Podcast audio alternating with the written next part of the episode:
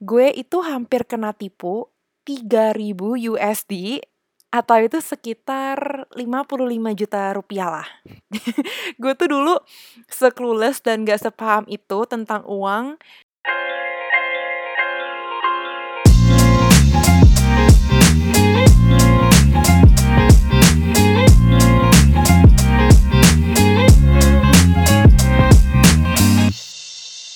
Halo teman-teman semua. Terima kasih banyak uh, yang masih dengerin podcast Unmute with Claudia. Dan hari ini episode pertama dari Finance Talk atau yang biasa orang-orang sebut FinTalk. Dan hari ini topiknya akan sangat menarik karena series ini akan dimulai dengan kita ngebahas topik-topik yang sangat basic tapi merupakan foundation dari setiap sukses keuangan di luar sana. Sebelum kita ngebahas mengenai topik seru hari ini, gue bakal bilang upfront dulu kalau gue bukan expert dalam hal keuangan seperti ini dan gue cuman interested banget untuk mempelajari lebih detail tentang finance. Kalau kalian-kalian yang udah tahu background gue, gue itu dulu sekolah jurusannya adalah Environmental Economics Policy atau bisa dibilang ilmu tentang lingkungan, ekonomi, dan kebijakan publik. Terus experience-experience kerja gue juga hampir semua itu menyangkut um, ekonomi dan finance, apalagi kerjaan gue yang sekarang ini sebagai ekonomis.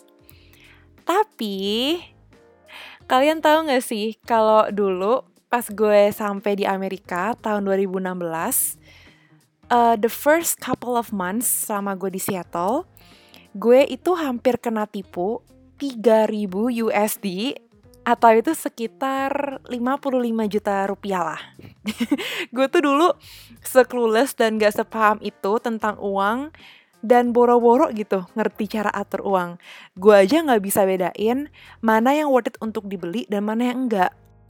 Nah, selama gue di Indo, gue tuh gak kenal yang namanya money management at all. Gue tuh gak pernah ada uang jajan bulanan yang dikasih spesial dari orang tua gue. Jadi kalau mau pergi ke mana, or mau hangout sama temen, ya baru gitu gue dikasih duitnya. Dan juga gue bukan tipe anak jajan di kantin. Jadi back then, it wasn't a big problem for me memang exposure mengenai money management ini benar-benar baru gue pelajarin waktu gue dikirim sekolah di Amrik. Ada satu titik pas gue sekolah college di Seattle itu, di mana uang di bank gue itu pernah sampai minus dan even kena over withdraw fee kayak sekitar 35 dolar gitu, hampir mungkin 500 ribu kali ya. Dan itu kayak gue baru ngeh gitu loh kalau money management gue tuh sangat jelek. Nyokap gue adalah orang yang paling rapi dan paling organized dalam masalah financial menurut gue karena dari dulu dia itu selalu rajin untuk nyatet semua expense dan kumpulin bon-bon atau resip yang dia dapetin dari pembelanjaan dia gitu loh. Tapi justru dari hal ini gue mikir gitu, mungkin mencatat expense bisa merupakan salah satu habit yang bagus yang bisa gue terapin untuk uh, gue bisa belajar lebih banyak lagi mengenai money management gitu kan. Nah, makin ke sini, of course gue sekarang sudah sangat aware dan kalau boleh dibilang malah over aware sih tentang keuangan gue. Um, even teman-teman deket gue tuh kenal gue sebagai orang yang paling cipe untuk diri sendiri. Dan gue pribadi mikir pas lagi single-single seperti ini, belum merit, ini adalah golden moment di mana kita bisa numpuk aset yang liquid itu lebih gampang dan lebih rapid gitu um, resultnya. Gue mau share sedikit nih filosofi keuangan gue yang gue udah terapkan di saat gue mendapatkan gaji pertama gue waktu itu kerja sebagai tutor di sekolah. Gue itu udah set mindset kalau gue itu nggak akan compare keuangan gue dan lifestyle gue dengan orang-orang lain, apalagi sama orang yang keuangannya di atas gue. Soalnya for me personally, kalau kita udah mulai banding-bandingin keuangan dan lifestyle kita dengan orang-orang lain, ujung-ujungnya akan susah buat kita achieve a sustained and stable financial stage. Which it can leads to malah jadinya goal tabungan kita akan susah terpenuhi Dan ini hukum yang paling paten banget yaitu jangan spend more than what we earn. Hukumnya itu wajib ya. Jadi expense kalian itu nggak boleh lebih gede dibanding income kalian. Nah, hari ini gue bakal ngebahas hal yang sangat basic, tapi sangat penting, very crucial, yaitu cara menabung, apalagi buat fresh grad, seperti gue juga, yang waktu itu setelah gue pikir-pikir pertama kali dapat gaji dari perusahaan itu, gue bingung banget gimana cara mulai manage gaji gue dan dari mana kita mulainya. Karena banyak banget option investasi di luar sana. Personally, menurut gue, penting banget untuk kita spend time pelajari keuangan kita sendiri sebelum mikirin hal-hal yang lain. Dan kalau boleh aku ingetin lagi nih guys, menabung itu butuh niat dan harus ada goal yang jelas ya guys. Jadi dengan kalian punya tujuan yang jelas, contohnya mau buat perusahaan sendiri, mau mulai cicilan rumah, mau beli mobil, dan lain sebagainya itu, ini bakal ngebantu kita lebih ngedrive motivasi kita untuk get nabung dan stay on track dengan budgeting yang kita udah buat dari awal. Soalnya gue merasa kalau tujuan kalian nabung itu cuma hanya untuk banyak dapat duit tanpa ada goal dan tujuan yang jelas dari uang itu mau diapakan, akan susah untuk memotivasi savings kalian gitu.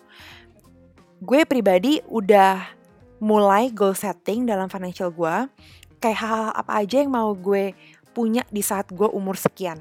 Contohnya, sekarang gue lagi kerja di Amrik, um, gue nggak tahu ke depannya gue akan di sini atau gue akan balik Indonesia for good. Tapi kalau misalnya emang ujung-ujungnya nanti gue bakal pulang Indonesia, gue mau banget untuk have my own company atau menjadi entrepreneur. Dan untuk bisa buka perusahaan sendiri itu kan modalnya gedenya banget banget banget.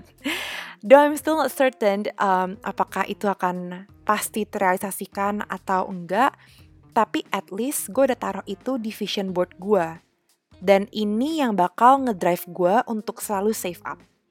Kalau ngomongin soal tabung menabung, mungkin banyak dari kalian yang sering dengar istilah 50 30 20. 50 30 20. Dan di beberapa profil-profil financial advisor atau financial planner di social media juga udah sering banget ngebahas ini.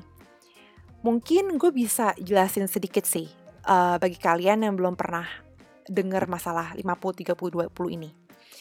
Jadi biasanya 50 itu adalah persentase untuk kebutuhan-kebutuhan primer kayak bayar rent, uh, bayar listrik, bayar air, makan. Dan 30-nya itu adalah untuk savings kalian. Jadi bener-bener kalian nggak sentuh sama sekali. Ini bisa dijadikan emergency fund atau dana darurat. Bisa juga untuk retirement fund atau dana pensiun. Nah, sisa 20%-nya itu adalah untuk wants kalian atau bisa dibilang kebutuhan sekunder atau tersier. Misalnya buat shopping, traveling, dan lain sebagainya. Cuman, jujur 50 30 20 ini nggak works for me. Um, karena kalau boleh dibilang pengeluaran gue selama gue di Amerika ini nggak jauh-jauh di seputar bayaran dan beli grocery bulanan. Jadi kalau boleh di breakdown, mostly pengeluaran gue per bulan itu sekitar 17 sampai 20% dari income per bulan gue. Dan kenapa gue bisa sekecil ini pengeluarannya karena gue jarang banget makan di luar guys. Um, gue enjoy masak and prep my own meal karena itu considering my me time. Jadi most of the time gue masak di rumah and as you guys know, ini save a lot of money kan. Nah, terus uh, sekitar another 20% itu masuk ke bucket yang istilahnya sekarang ini dikenal dengan pay yourself first atau um, gaji untuk diri aku sendiri, my leisure expenses, kayak misalnya aku nabung buat traveling, atau belanja baju, belanja skincare. Um, tapi jujur ini nggak berlaku setiap bulannya sih. Kayak 20% ini um, bisa naik, bisa turun dalam keuangan aku. Tapi mostly aku biasanya less than 20%. Nah, sisanya itu mungkin sekitar 60-70% itu uh, gue masukin ke savings uh, dan beberapa gue pakai untuk investasi. another thing that I also want to point out di sini adalah bukan berarti kalau gaji kalian naik atau penghasilan kalian itu naik, itu diikuti dengan expense yang lebih banyak. Malah harus sebaliknya gitu.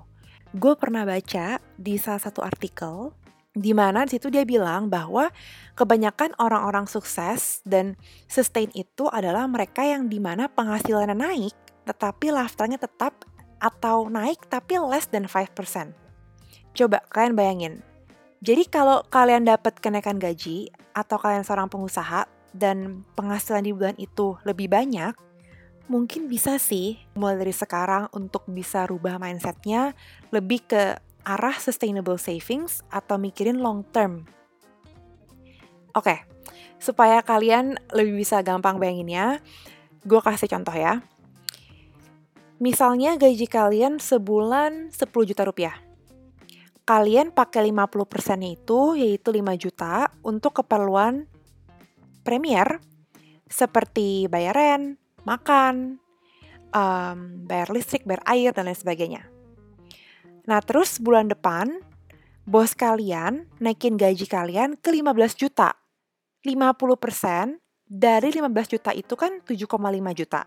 Nah, yang aku maksud adalah benchmark kalian jangan ikutin si 7,5 juta ini. Tetapi coba sebisa mungkin untuk terus mengexhaust atau menggunakan secara maksimal si 5 juta itu yang kalian dapetin sebelum kenaikan gaji unless kalian benar-benar mepet dan butuh banget.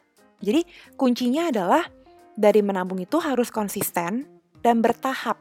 Karena after all, yang tadi aku udah bilang dari awal, nabung itu butuh niat, nabung itu benar-benar komitmen, apalagi kalau ada banyak godaan kan. Tips lain yang uh, gue juga pakai, um, gue itu punya dua account, yaitu savings dan checkings. Jadi maksudnya um, uang gue yang terkumpul itu gue nggak masukin ke satu account, tetapi gue pisahkan menjadi dua account. Jadi gue taruh 60-70% dari gaji gue itu ke account savings yang gue nggak sentuh sama sekali. Dan sisanya gue taruh di checking yang di mana ada trafficnya. Jadi kalau gue buka online banking gue tuh kelihatan debit and creditnya lah gitu. Kalau emang kalian aktif main di saham, kalian bisa masukin budget untuk main saham ini di anggaran bulanan yaitu bisa di-include ke checking account gitu ya. Karena ini kan termasuk juga yang akan uh, membuat traffic dalam anggaran kalian. Menurut gue ini useful banget sih untuk keep us on track. Dan jangan save what is left after spending.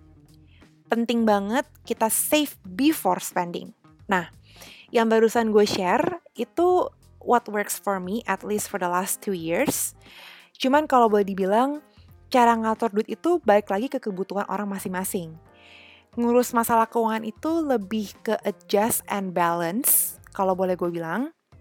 Jadi emang gak bisa dibilang per bulan itu patokan expense-nya akan seperti gimana karena we will never know what happen next. Tapi yang penting adalah kita udah punya anggaran, kita punya budgeting, dan we apply the right and appropriate mindset tentang duit dan tentang menabung. Seberapa kecil even itu 50 ribu atau 100 ribu per bulan yang kalian masukin ke savings itu sangat berarti loh guys. Dan itu namanya kan udah niat untuk nabung.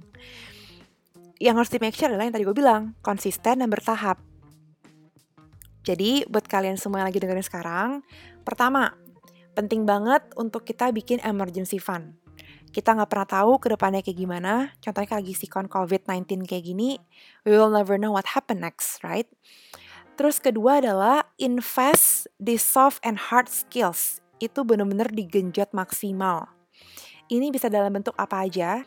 Contohnya investasi saham, investasi di pendidikan S2, ikut acara-acara networking, dan lain sebagainya. Pokoknya apa pun yang bisa naikin skill kita.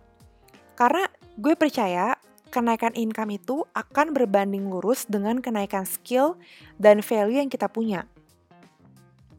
Kalau ngomongin sedikit um, masalah investasi ya, gue beberapa kali dapat pertanyaan seperti ini. Uh, gaji gue cuma 8 juta sebulan. Dan uang yang gue punya itu terbatas. Dan gue mau uang yang gue punya itu naik cepat dengan cara berinvestasi. Baiknya mulai dari mana ya?